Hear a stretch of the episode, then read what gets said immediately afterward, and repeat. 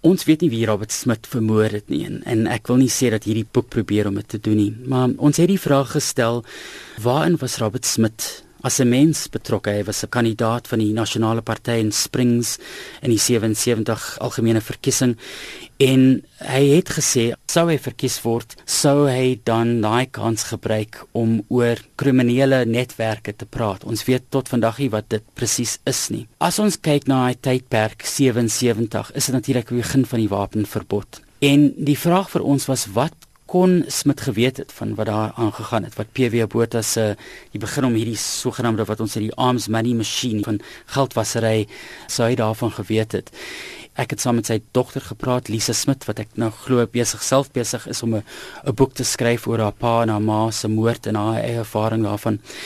Maar ons het gesien inligting wat sy self voor die WVK voorgesit het is dat Robert Smith betrokke was by sanctions busting hierdie embargo busting en self na glo na Persie of Iran toe gestuur is om oor oliehandel te praat. En die firma waar Robert Smith gewerk het Santam Internasionaal hy was 'n aandeelhouer by Santam Internasionaal en die firma se grootste doel was sanctions busting. Maar een van die ander groot aandeelhouers was die voorsitter van Santam Bank, Karel Aswegen. En Aswegen het op die op krygkorse raad gesit. En ons glo daar is natuurlik vra daaroor of Robert Smith se firma waar hy betrokke was, ook betrokke was in die begin van hierdie omseiling van die wapenboikot en of hy miskien daaroor sou uitspraak gelewer het in die parlement.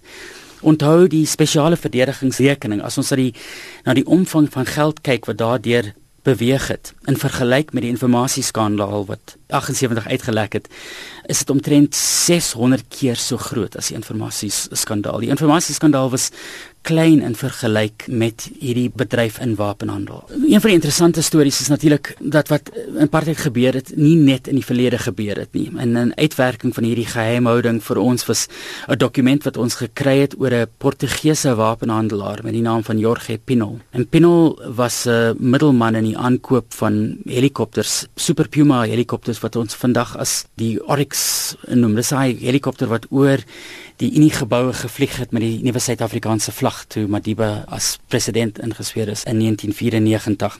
En Pinol was bedrywig as 'n middelman vir krygkor in die 80e jare en ons glo miskien vir Rhodesia en vir, vir Israel en vir ander en hy het vir die Suid-Afrika wou hierdie helikopters van Frankryk aankoop vir die Franse firma Aerospatiale.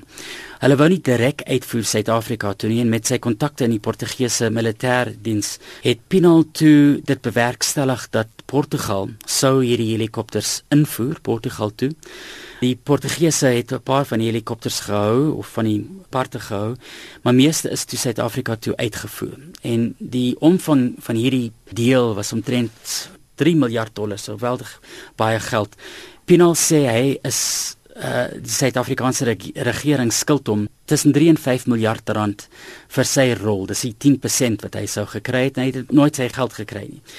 Die saak sit op die oomblik in 'n hof in Portugal. Pinal vra nog vir sy 5 miljard rand wat 'n demokratiese regering nou aan hom verskuldig is. Maar wat ons toe in een van die dokumente gesien het is Pinal se regspan het met krygkor in 2010 in Portugal ontmoet om oor hierdie saak te gesels om te sien of hulle miskien nie 'n uitweg kon kry nie. Dit blyk vir ons die begin van onderhandelinge tussen die twee regspanne. En wat ongelooflik is in in hierdie gesprek het ons toe gesien dat 'n naam nog 'n naam is wat nie 'n lid van die regslei is nie is met die naam van Liesel Gottet. Liesel Gottet het 'n ons glo film oor Jacob Zuma gemaak in 2006 78 en Gottet glo daar is as 'n verteenwoordiger vir president Zuma maar sy staan op dieselfde kant van die regslei van Pinol, hierdie sanctions buster van die 80e jare. En op die ander kant van die tafel sit die verteenwoordigers van die Suid-Afrikaanse regering, dis Krygkor. Krygkor wou en ons moet sê ek uh, wou nie dat sy deel is van hierdie onderhandelinge nie en ek dink daar was natuurlik baie vrae wat doen 'n persoongenaamde persoonlike verteenwoordiger van ons president as die dokumente reg is of wat en ons skryf daaroor in die boek Apartheid Guns and Money is die vraag wat doen 'n persoon soos Liesel Gottert daar. Ons kan nie sê hoekom sy daar was nie. Daar is natuurlik meer vrae as antwoorde.